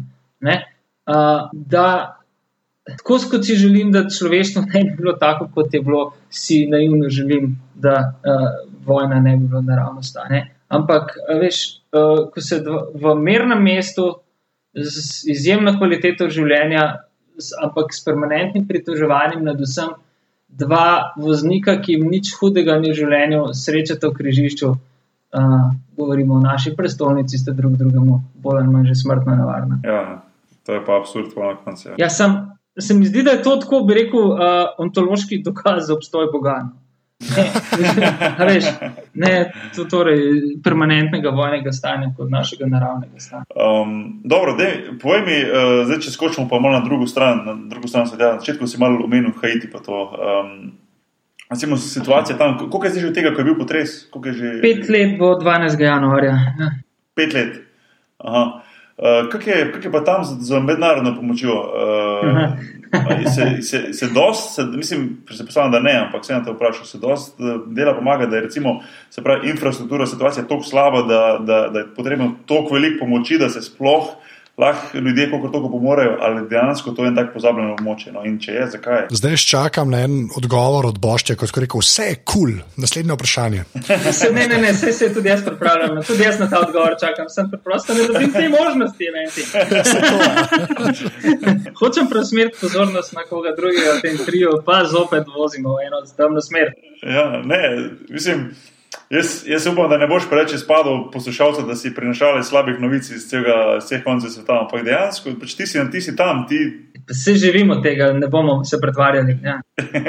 ne, ti, ti si dejansko tam in, in, in veš, in opišuješ stanje. In, lej, uh, mogoče se bo slišalo malo smešno, ampak meni, če vseeno poveš dobro o slavu, meni poveš, da vas da poveš tako, kot je. Veš, to, to me zanima. Ja, celej. Naslednjič, ko boš ti prija, se pogovarjamo o Monte Carlo. Može, da je pet nekam. Ko bo nekdo na formulo podstavil bombo. Ja. Zdaj pošljite tega poštjana nekam, nekam na Havaje, da malo piše, ker je nekaj v Zebanciju. Haiti, kaj? Lej, uh, haitijski kolega Alfons, novinarski kolega Alfons Robertson je v enem stavku povedal so resnico o mednarodni finančni pomoči. Mi smo republika NGO-jev. NGO imajo pri nas bistveno večji vpliv kot vse vlade in parlamentarne institucije skupaj. Ne? In NGO, ampak za NGO lahko štejemo praktično na um, Haitiju tudi Združene narode. Uh, Haiti, Haiti nima svoje vojske že kar nekaj let. Ne? Uh, Vlogo haitijske vojske upravljajo modre čelade Združenih narodov. Modre čelade Združenih narodov, ki imajo med drugim enega izmed svojih oporišč v največjem slamu zahodnega sveta, sončevem mestu Site Sole, uh, malemu prostorčku praktično uh, razsutega mita o tem, kaj človek ne bi bil. Uh, na katerem živi 350 tisoč ljudi in prostora, ki je bil strašno prizadet med potresom, pa je tja prva pomoč prišla tako še kar nekaj dni kasneje kot kamorkoli drugam, zaradi tega, ker je to prostor, v katerem pač prevladuje dobesedno zakon ulice. In je noter vse čas tudi med umiranjem potekal boj na življenje in smrt na neki drugi ravni, ne na ravni potresa. Uh, Haiti je, grobo rečeno, pa to. Ogromno sem prebral nekih štorij in knjig o Haitiju. In vse čas imaš dva pogleda. Imaš tega občutljivega, humanističnega, ne, ki pravi, ne moremo v prostoru govoriti, da je zavožen, tam vendarle živijo ljudje.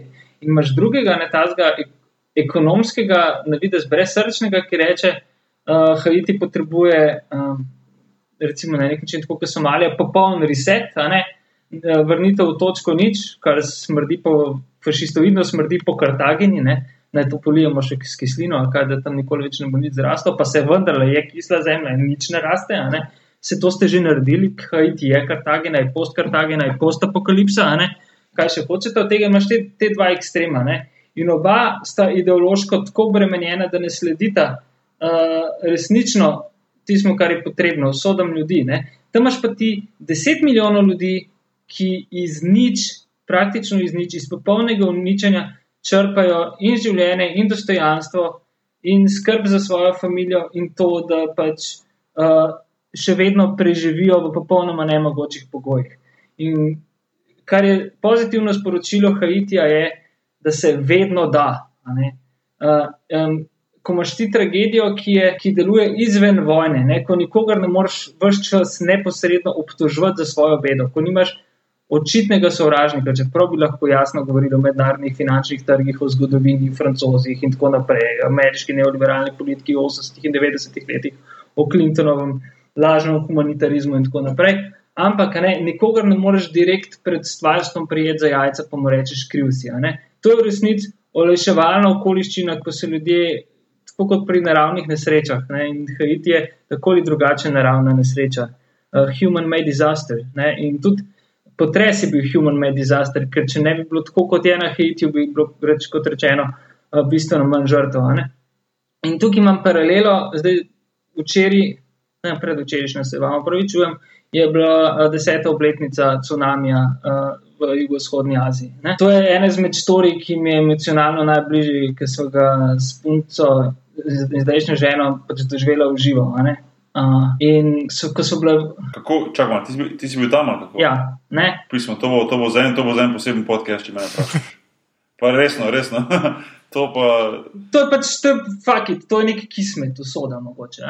Uh, še huje, imela smo že rezerviran Sofitel uh, na Tajskem, Sofitel, po katerem so potem film posneli, ker so praktično vsi zahodnjaki tam umrli. In so se v zadnjem trenutku premislili in so šli od tam pogled snoba ne, šla na Maldive. Aha, Zlati časi, stari konjunktura. Tudi, tudi v medijih. In jaz sem tja prišel direktno iz, iz Darfurja, po enem mestu Darfurja. Lepa. Ja, ne, še dve, dve, dve matrici, tako kot Miami, pa tudi ja, to delam. Ne, in pol, a veš, šok, da živim, ko pridem domov. Uh, matematično dokazljivo zopet. Ne, in pač, ko smo to doživeli tam, in so imeli ful srečo, ko so bili na otoku. Uh, kjer ni bilo, kjer nihče ni umrl, ampak je pa popolnoma potopil sosednji atola. Ne? In smo potem naslednji dan v Kojerani, sem jaz hodil takoj na Šrilanko, ki je pač 12-14 ur z ladjo oddaljena in ni bila najbližji, ne? da bi lahko pač upravil svoje novinarsko delo. Ne? In sem, ne vem, iz Maldivo me je bilo v resnici malo sram poročati, o kako so um, vem, reakcije. Uh, Pred kakšno uro predtem, že plezali na drevesa iz vode. Ne? Dejstvo. Ampak Pa sem letel nazaj in potem sem se zjutraj tam že na fotografiju, no, mudoma so letela banda Ače, kjer je umrl 160 tisoč, od 130 do 160 tisoč ljudi in je bil popolnoma zbrisano iz zemlje. Ne? In to mi je bilo milijonkrat bolj tragično, zdaj se vračam tisto za nazaj. Ne? Milijonkrat bolj tragično od vseh vojn skupaj. Zakaj? Ne? Zato, ker človek, ki ne more ne mudoma nekoga obtožiti, ne? ki ni poln sovraštva, ne? ki v najglobjem samospraševanju ne more priti do tega, zakaj se mu je zgodilo tako prekletstvo, postane etičen. Ko nikogar ne obtožuje, ne? se očisti na eni strani strahu pred drugim, ne? To, to, to, to, to, sem tam prepričal. In, in, in kot rečeno, ni sovraštva. No? In ko, ni, ko ni ne strahu, ne, ne sovraštva, uh, sprejema, na, je najbolj odprt za vsa pozitivna sporočila. No? In tam nikjer nisem v življenju začutil večjega gostoljubja, večje topline kot pri ljudeh, ki so tam izgubili vse. Spala sva na množičnem grobišču. Pod nami je bilo zakopanih 20 tisoč ljudi. Ves čas so vozili ljudi v oranžnih vrečah, uh, ki so na pogled dihali, zato ker so bili polni vode in so se sprožili plini. In ko se tebi to tako iskreno, malo gnusi, malo ti je težko, rad bi šel malo stran, rad bi malo udobja. Vidiš pa, da zraven ne, človek že starec, bradati, že pase dve krave in gre življenje naprej. Ne. Se lahko samo zapreš gobac, mogoče sam sebe lahko nakotiraš in se fucking učiš osnov življenja. Pika. Pa kako, ok, to, kar rečeš, da postane etičen, ne? ta se meni zelo tako poetska sliši. ampak Kaj je to plastično? Se je malo. Kaj to plastično pomeni? da je osvobojen sovraštva in strahu pred drugim in pred drugačnim. Ko izgub, veš, ob takšni izgubi, da se mi grlo suši, uh, ob, tak, ob takšni izgubi uh, nisi agresiven, ne greš, ne, ne, se obračaš na noter, da se ne obračaš na vzven. V vojni se ponovadi, veš, vse moški, a ne ženske se obračajo na noter, zato ker vejo, da je njihova, zavedajo se temeljnega poslanstva, da greš naprej, da preživiš. Moški pa ponovadi računavamo drug z drugim. Mislim, vojna je tudi zgodba, ki ruši vse mite o um, čemkoli uh, vrednejšem in močnejšem v moškem. Pač. In to, to se v naravni katastrofi pa ni spola. V naravni katastrofi uh, ni, ali pa ok, so revni in bogati, ampak uh, najmanjši razredni boj je ravno v takih naravnih katastrofah, ki so celostne. Veš, na Haitiju je zravnalo in si te sole in predsedniško palačo, ampak res zravnalo zemljo. Uh, to na nek način, kako bi rekel, um, ne bom rekel lepo videti, ne, ampak mnogo lažje zadelovati kot človek, uh, kot v vojnah. Ne. V vojnah je vedno, ampak res vedno nekdo kriv. Ne. Tukaj pa lahko kaj, kriviš Boga, kriviš naravne smernice, tektonske premike, ne bo šlo. Ne. Ja, malo težje. Ja. To sproža, to sproža refleksijo. Reflek, samo reflektirani ljudje pa so lahko etični, po mojem. Boki, odkot ta tvoja obsesija z dogajanjem v svetu? Povej, prosim.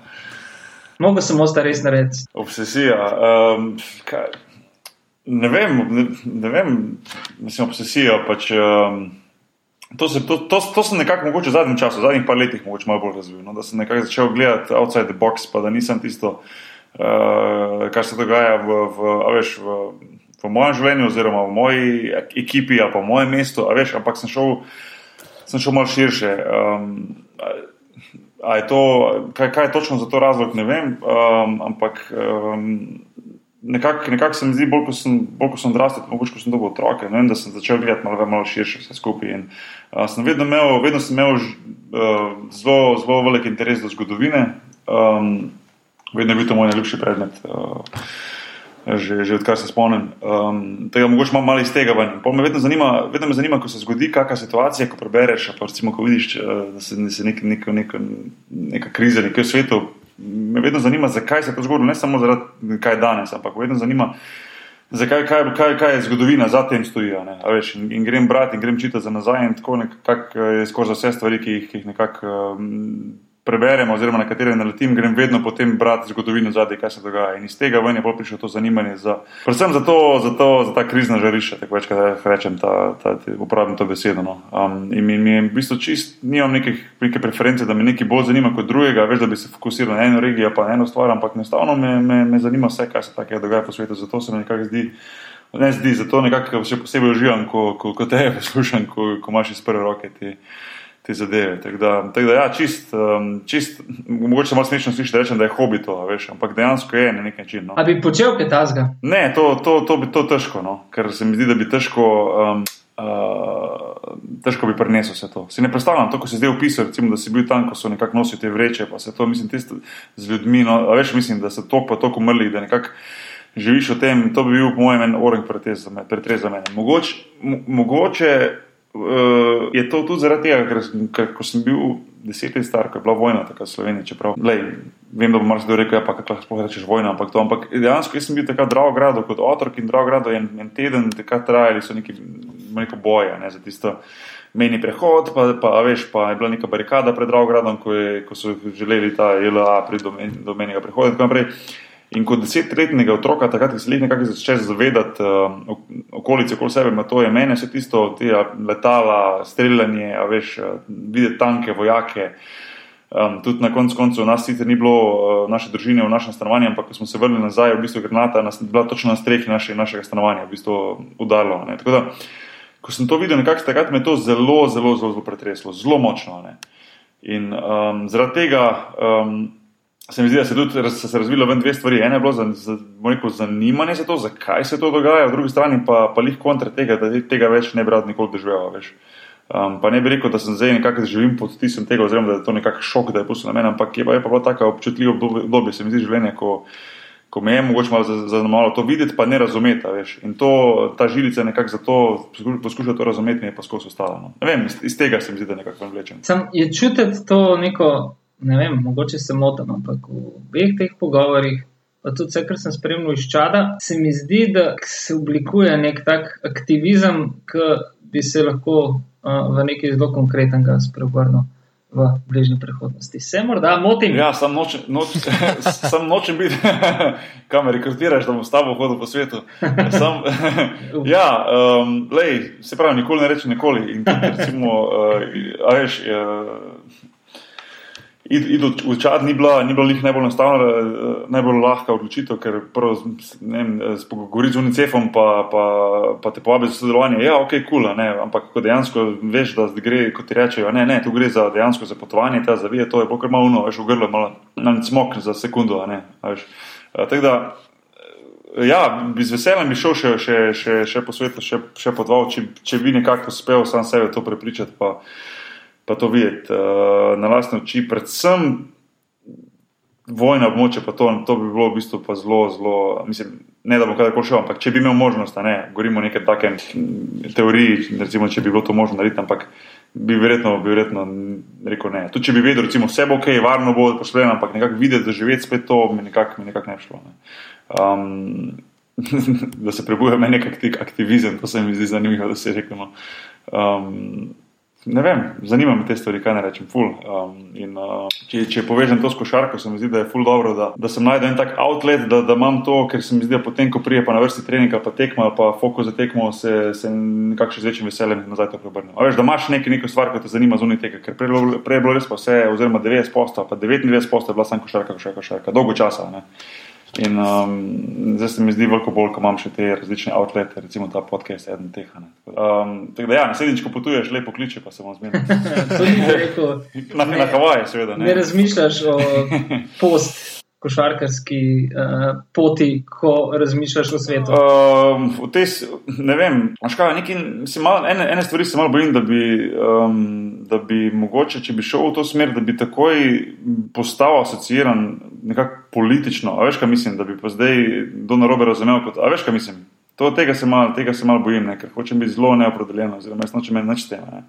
Ampak se mi zdi, da v današnjem času biti, uh, kot to, recimo, javno. Ti si globalen človek, se nisi lokalno trbila. Ja, ja, ampak biti, kot to, bom rekel, nekakšna javna oseba, pa, pa, pa se. Pa se Vrš na to, se mi zdi, da tako je zraven, kako politiko potegneš. Ne vem, no, ne hoče, veš, kaj mislim, da te nekako potem že postavljajo v določeno mesto in imaš določena prepričanja, ne vem, uh, govoriš, uh, veš, kaj mislim, govoriš kot da poslušam tega, pa tega in tako naprej. In, in tega, tega, tega si ful ne želimo. Ne. Um, to, me v bistvu ful, to me ful odbija. Ne. To je pa vedno izključno in samo odvisno od osebnostne integritete in avtonomije.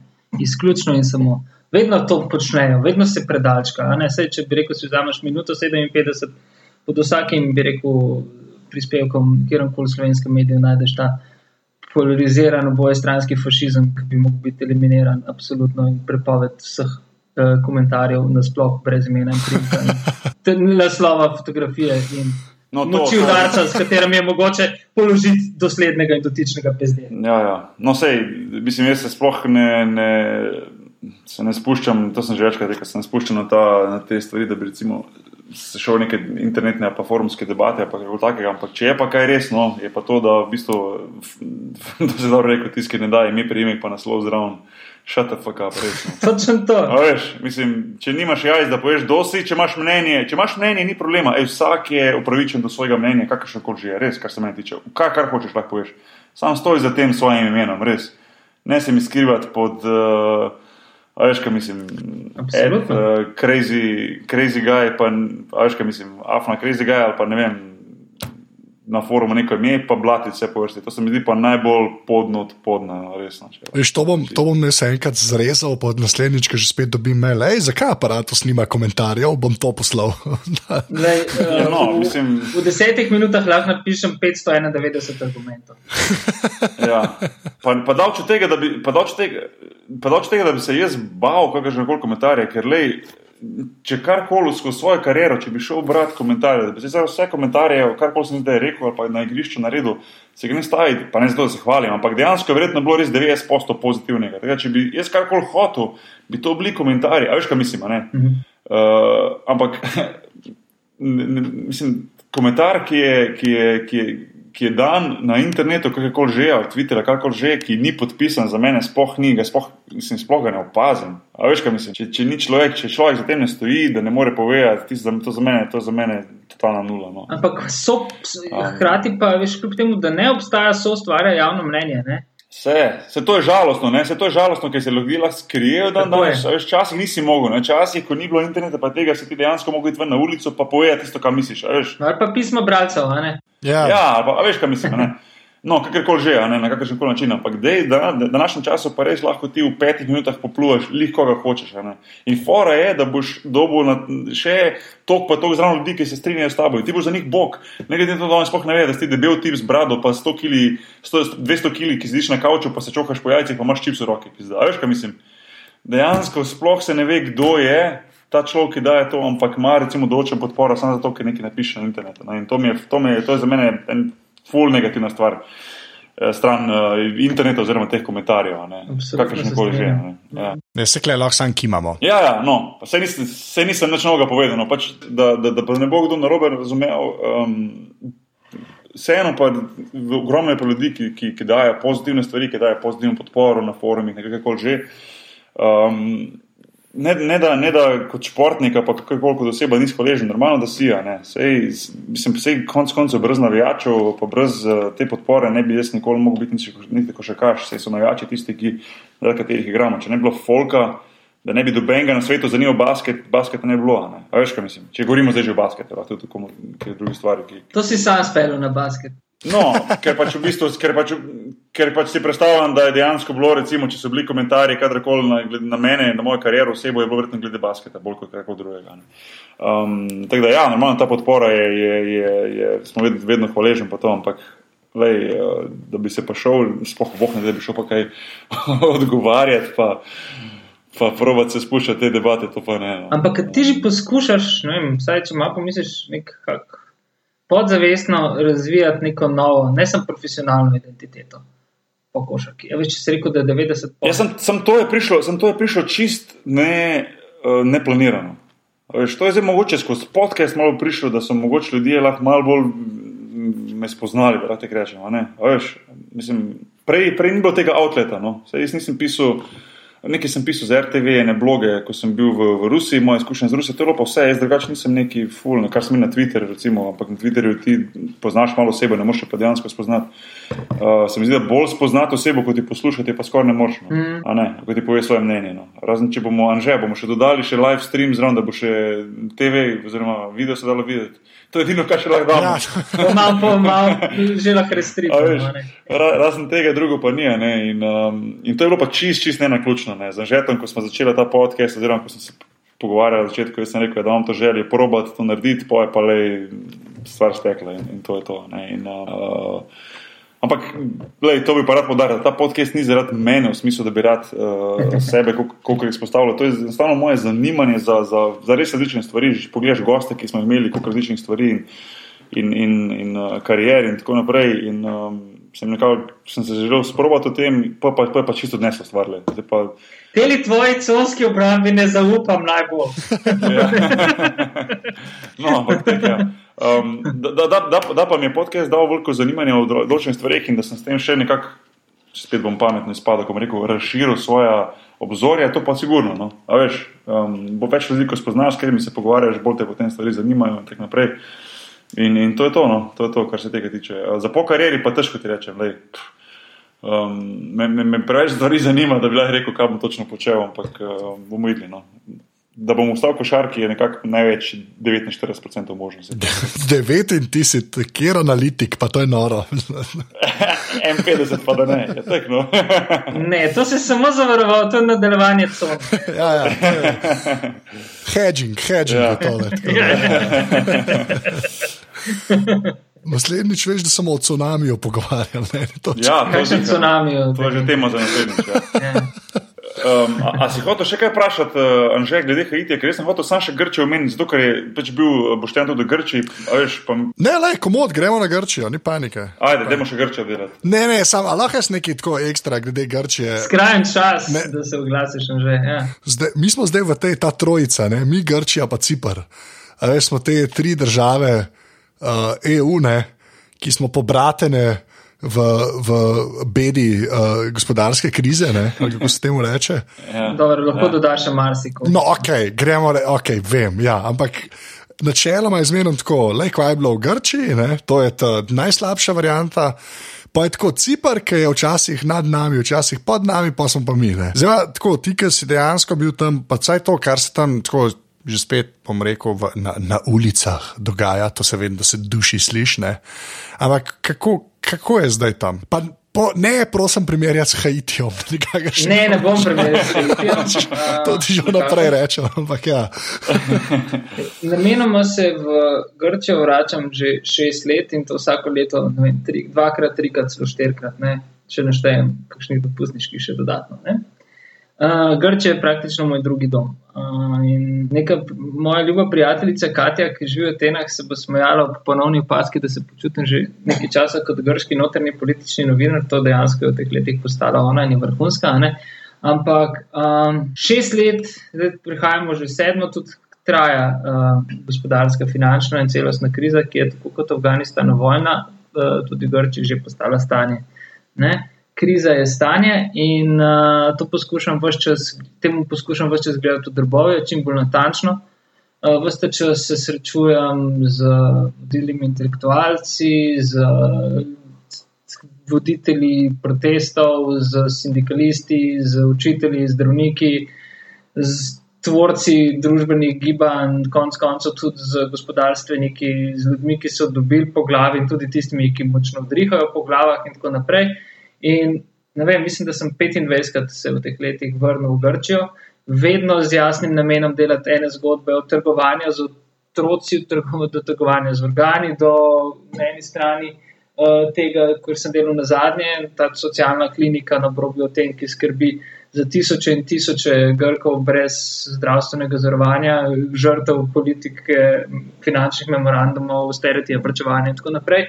Uh, do tega, da um, je bil na mednarodnem kazenskem sodišču v Hagu oh, podan primer tožbe, um, prim, od, se odpira case uh, proti neznanemu storilcu, klepajo beri uh, trojki, uh, Evropski centralni banki, uh, mednarodnemu denarnemu skladu in uh, Evropski komisiji.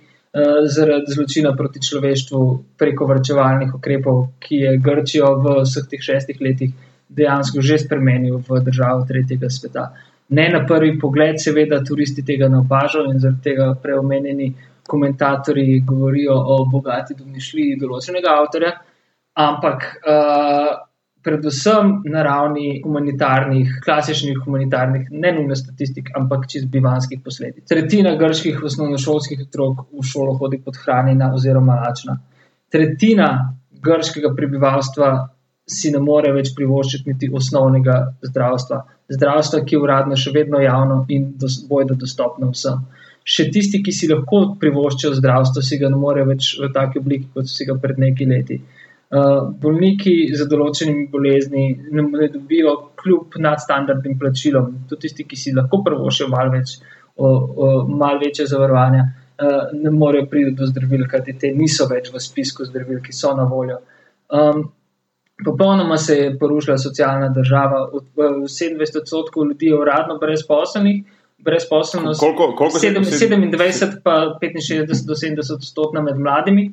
Ampak ta statistika je na nek način zavajajoča, ne? zato ker se je cena dela v Grčiji v zadnjih šestih letih, predvsem pa v zadnjih štirih, ko je kriza se brutalno poglobila, uh, zmanjšala marsikje, uh, predvsem pri manualnih uh, delih. Uh, tudi pod- Za trikrat, s tem, da se država tudi približno ni pocenila, nasprotno. To se je zgodilo ekstremno hitro, uh, v Grčiji bodo počasi začele rasti kovane svobodne ekonomske cone, po zgledu Srednje Amerike in Azije, po domače povedano, svetšopi, potilnice, v katerih bo poprečna plača 300 do 400 evrov na mesec. In v tem trenutku mnogi mladi Grki bi z velikim veseljem sprejeli 400 evrov mesečne plače um, za, vrh, za zelo, zelo težko fizično delo in to znotraj Evropske unije. Na eni strani uh, govori, se je govorilo, kako blazno leni so bili Grki, in se potem pozabljalo, da so po številu ur uh, visoko nad mnogimi evropskimi narodi, ki radi govorijo o lenem jugu. Na drugi strani um, je Grčija še pred tremi leti bila četrti največji kupec orožja v Evropski uniji in velik del svojega orožja je kupila od Nemčije in Francije, dveh držav, ki sta uh, s svojim bančnim sistemom Grčijo kot velika dilerja uh, naredila v brutalno odvisnega džankija, ki je roko na srce s svojim pohlepom preko države želel vedno več in več tega poceni denarja, pametni posojilodajalci pa so ta denar razmetavali, saj so vedeli, da bodo lahko zelo malo to državo praktično zasužili in dobili znotraj Evrope tisto, kar nočejo več iz Afrike in Azije poceni delovno silo, torej nove migranske tokove. Tudi zato znotraj Evrope rastejo novi zidovi.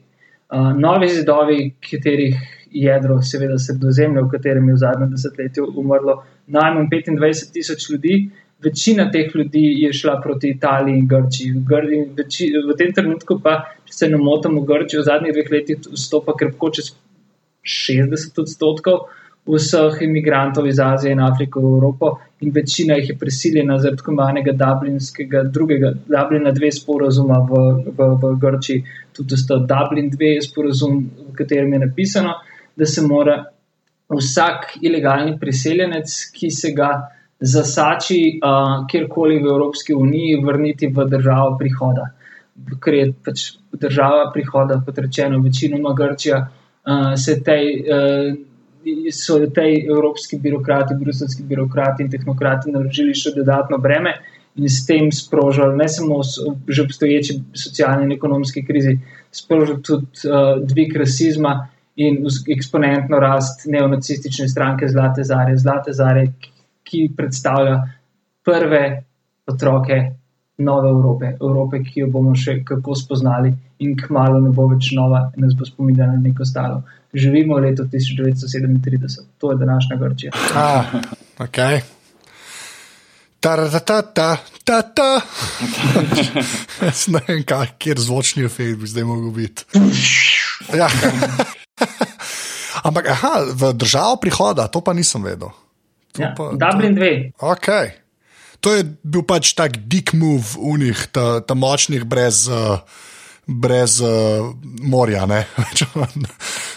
Sklep. Mislim, s Severnim morjem, a veš, Brez z morja, okej, ja. tako je, brez sredozemlja. a ne. ja, tako je. Ja. Oh, wow. Svinsko, a ne? Hkrati pa, Ja. ja. veš, greš pogledat mejo nove in stare, te, bi rekel, severne in južne Evrope, posojilo dejalcev, posojilo imalcev, tem, tistim, ki gre dobro in tam, ki je kriza, ne? Je jasna meja med severom in jugom, ne pa ne govorimo o ameriški državljanski Mm. vojni. A, ni, a, a se ne dogaja podobno v Nemčiji, um, to, ko se prej omenil, da se v bistvu um, da se nekako rasistično spet te razne stranke oziroma skupine, v bistvu. Si pomislil na Dresden in na shod? Ja, ja ker sem, sem, sem mm. pred kratkim bral nekaj tem, da se nekako, uh, mislim, da proti islamistom, da se nekako uh, razvija neka, pa ne bom rekel politična stranka, ampak neka organizacija, ki uh, bil, bil, bil je tak, ne vem, kje sem to prebral točno, pa bil je zelo tak članek. To, to, to, to gibanje iz Dresdna. ne? Ja, Iz- ja, to je to. On bil je tak članek zelo, zelo tako napisan, da v bistvu bi lahko, v smislu, da lahko kmalo vidimo tudi, uh, bom rekel, um, pisalo je krvave proteste na ulicah Nemčije. Ne? V smislu, da bi se, recimo, da bi bil clash dveh, dveh različnih skupin, organizacij oziroma tudi religij konec koncev. Um, in to v eni najbolj, bom rekel, mirnih oziroma stabilnih evropskih držav, ne? na ulicah. Ja, ampak s Ne vem. totalno neurejenim migranskim vprašanjem, s posledicami veš, desetletij in desetletij tega, da se je moderna Nemčija gradila na uh, tuji delovni sili in tako naprej. ne. Mhm. In da to pripeljalo do druge in tretje generacije, ki je pa zelo jezna na podoben način migrantov, ki je, ki, kot je jezna v Franciji, kot je jezna v Angliji in kot bo vedno bolj jezna in vedno bolj upravičeno je. Zadnjič sem rekel, da ne bom spal, da danes ne čutim, kaj bo. Še dobro, še dobro, da se nismo včeraj pogovarjali, ampak danes potekni. Se tudi včeraj nisi spal, ne? Pustimo. Pustimo, ja, pustimo, pustimo, Sredozemlje. ja, pustimo švasanje, ali kako se temu reče. Švasanje, ja, in spanje. Ja.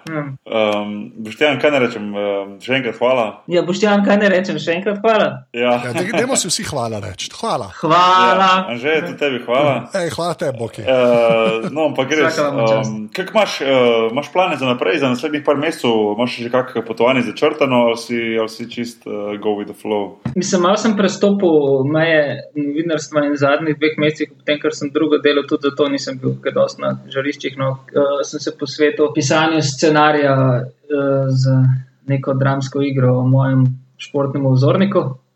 Um, in bo to nekako spomladi, po moje, na odrih, no, ampak o tem več kdaj drugič. Uh, se v tem najdu, po mojem, malo emocionalno in intelektualno, no, in celostno osebnostno, mogoče malo bolj kot v novinarstvu, sam, v novinarstvu samo, zato ker se vedno bojim, iz dneva v dan se bolj bojim, da je vse, kar naredimo ali pa delamo na manjši. Uh, je, vedno bolj smo odvisni od tega brutalno se ožečega, manjšajočega attention spana.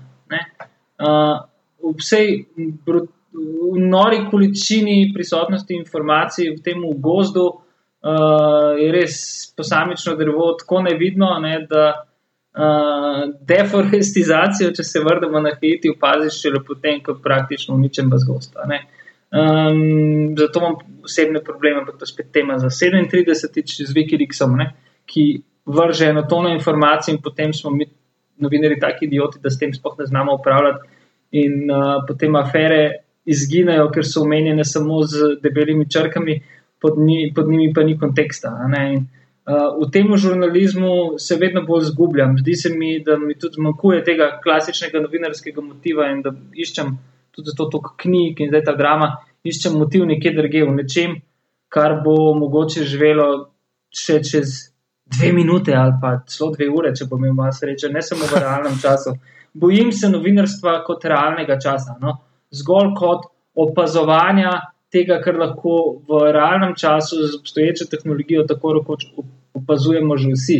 Eh, To, da prisotnost ne, in čutenje dejanskih vonjev, zvokov, pogovora z ljudmi ni več uh, primerjalna vrednost, razen v komunikaciji med nami samimi, ki nas stvari intenzivno zanimajo in imamo nek, neko realno cenjenje, kaj je dobro, slabo, ključno, ne ključno. Uh, Navzven pa ne, zato ker se je publika spremenila. Ne? Uh, ni kriva publika, res so krive tehnologije. Tako sem poslušal uh, radijski pogovor, če sem se vračal z avtom. Uh, Fu se mi je dobro zdelo, ko je nek fizik iz inštituta Jožef Štefan rekel, kaj si želi v novem letu uh, najbolj. Rekel tako, da Nobelove nagrade za fiziko ne bi več prejemali tisti, ki, uh, skr, ki napredujejo v smislu tehnologije, ne? ampak tudi tisti, v smislu uporabnosti, ampak tudi tisti, ki uh, napredujejo v smislu smisla, ne? v smislu nečesa več, ne zgolj tistega kar je oportuno in naklonjeno industriji. Podobno, podobno če ne enako, razmišljamo o novinarstvu. Pol je najbolj, da, da, da spolniramo nekje na pomlad, zopet se slišimo. Um, če ne boš imel kakšne sveže, uh, svežih uh, novic oziroma zgodb iz, iz, uh, iz žarišč po svetu, pol najbolj, jaz bi se fulal za, za tsunami še pogovoril, to me fulal zanima, no, tvoje, tvoje izkušnje in mm. tvoje videnje, vse to, kar se mi zdi, da vsaj normalno, kot sem zdaj slišal in tudi pričakovanje nekako je videti, da se ti je zelo to. Da te je zelo vtis, vtisnilo v spomin, močno. izjemno, izjemno, ja. seveda. Um, Tega, zato bi se rad vzel posebej čas, da, da, da nam malo mal poveš to iz prve roke. Nisem vedel, da si bil tam takrat. No, to, to me je v bistvu čisto presenetilo. Vse tudi jaz prvih ur neki ne, šele pol, ko smo po televiziji. Kaj se je dejansko zgodilo, da to niso bile lunine mene ali pa jedrske eksplozije na kakem atolu. Ne. Da, to, da je nekaj. Ja. Ja. Uh, Predem, da zaključimo, samo to sem hotel še reči. Um, preko smo govorili, čisto na hiter, preko smo govorili v Haitiju. Že to, to ti, ti bi mogoče vedel. Veš ta uh, Wycliffe Jean? Oh, jaz sem upal, da bo nekdo to vprašal, pa da nam jaz. Pismo, jaz sem hotel to reči. Pa sem pa pozabil. No. A, veš, um, a veš, kaj je bilo? Mislim, veš, da sem zadnjič slišal, slišal en podcast, nisem vedel za to. Je, mislim, hotel bi šel je bil running for president. Ne? Ja, ja kandidiral je, mirno. Je, no, ampak veš kaj, veš, kaj je bilo? Ne. A veš, zakaj, veš, zakaj, veš, zakaj je padlo vse v vodo? Ne. Mislim, vse, pač eno stvari. Ja. On je pač, imel svoj budžet in vse to, in veš, ko imaš budžet za, za, ko imaš te budžet za campaign budžet, ja. potem nek fundraising, pa vse to. In, Uh, allegedly, tako reče američani, je on, uh, ne vem, so ugotovili, da je na enem od teh svojih fundraiserjev pripeljal, kaj je Lindsay Lohan, kaj je že ta igra. Oh oh, wow. ampak, ampak to niti ne bi bil problem, ker pač, veš, ko imaš te, mislim, v Ameriki imaš, ko imaš te fundraiserje, pa to vedno prije, kak slavno, pa pol imaš on večerje, pa po folk daje, denar pa se zbira. Vse verjetno veste, približno, kako bi to šlo. Ampak uh, on je v bistvu iz tega campaign denarja v bistvu uh, plačal za, za private jet, da je on letel tja. Ne, in to se je nekako zvedlo in to je bilo čisto kontroversialno in tu se je začela boje downfall, da, on, da on da prišel tega, da, da on ni mogel biti prezident. Se s tem je postal legitimen kandidat, porka. no, sej. Ja, nisi legitimen kandidat brez Lindsay Lohan, to vsi vemo. Pa, ja. ne, ja, to je pa tudi res. Ja, ja. Ampak je pol kandidatov preveč, ali smo že ja. parlament na mestu predsednika. V glavnem, uh, ja, že nekaj časa nazaj, evo, rapper will have to explain how fund backed by celebrities managed to burn through 16 million dollars in two, two years. okay. Veš, ja, mislim, what the fuck. Ampak veš, da je pa zmagal na volitvah? Ne, mislim. Glasb, ne. Glasbeni soborec, njegov Sweet Mickey. Kdo je pa Sweet Mickey? Sweet Mickey je uh, Mišel Martelly, zdaj smo že pet let, že globoko prek mandata svojega, ker ne mogoče novih volitev, je že v novi diktaturi, zaradi tega tudi protesti. Uh, predsednik, ki je bil uspešen pop zvezdnik, hitijski, eden najbolj prodajanih, imel je tudi zlatih plošč, uh, ampak kariero je pa naredil v Ameriki. Med seveda. Uh, haitijsko publiko in potem to zraslo. Ne? In je tudi spravil četom. Okay. Kandid, zato je legitimen kandidat. oh, lepa. Viš, Anže, če bi imeli, če bi imeli uh, aparatus v, na Haitiju, bi, bi lahko imel majico legitimno član družbe. Ve, ja. Moramo v Wyclefu eno poslati, nujno. nujno. Oh, lepa. Pa, pa končajmo s to noto. Ja, super. Tako je. um, cool. Neč, hvala, sem rekel, pa ne še enkrat. Bog je v iskanju nove identitete, eh, že ja. zopet submisiven, jaz pa preveč gobčam. Ne, hvala vsem. Se slišimo enkrat na pomlad. Ja, no? samo res. Uh, Ej, bošti, kje se da najde na internetu, to povej. Uh, na Facebooku, na Twitterju pod Bostki, uh, pa ne najbolj hranjeni spletni strani v, v bosnjanskem.com. Odlično. Uh, Boki, kje se pa tebe najde na internetu? Twitter, ad Boki Nahvar, to je to. Odlično. Pa če, če, če že karkoli napišeš, ime pa priimek stavlja. Če ne, ne bo. Drugače, ne. Ja. uh, ja. uh, jaz sem na Twitterju Afnan Zeta, tešte nam na Twitterju. Recimo, to je še najboljši, ime pa priimek, seveda. Uh, drugače pa podcast na aparatus.si, pa v iTunesih, tako da če nam daste lahko tam kakšno oceno, v full fine. Full fine, ocene pa, pa komentarje, pa to, kar se tiče pa iTunesov, pa full hvala, no, ker um, to pa rad, to pa rad počekiram. To sem že večkrat rekel. To pa je edino, kar, rad, kar, rad, kar grem brat, ker rečem to popravljati z veseljem, da vidim, ok, hvala za komentarje, pa hvala za, za ocene, ker um, je kul, cool, je kul. Cool. To večkrat rečem, ko veš, da, da, da je folko všeč, da nekaj takega delaš. To, okay. uh, to pa aparatus se da tudi podprt, to naredite pa tako, da greste na aparatus.si slash podpri ful hvala. Uh, to je to, jaz bom rekel 3-4 zdaj in pa vsi trije rečemo adijo nekako. Tako da 3-4 um, uh, zdaj. Adijo. Adijo. Adijo.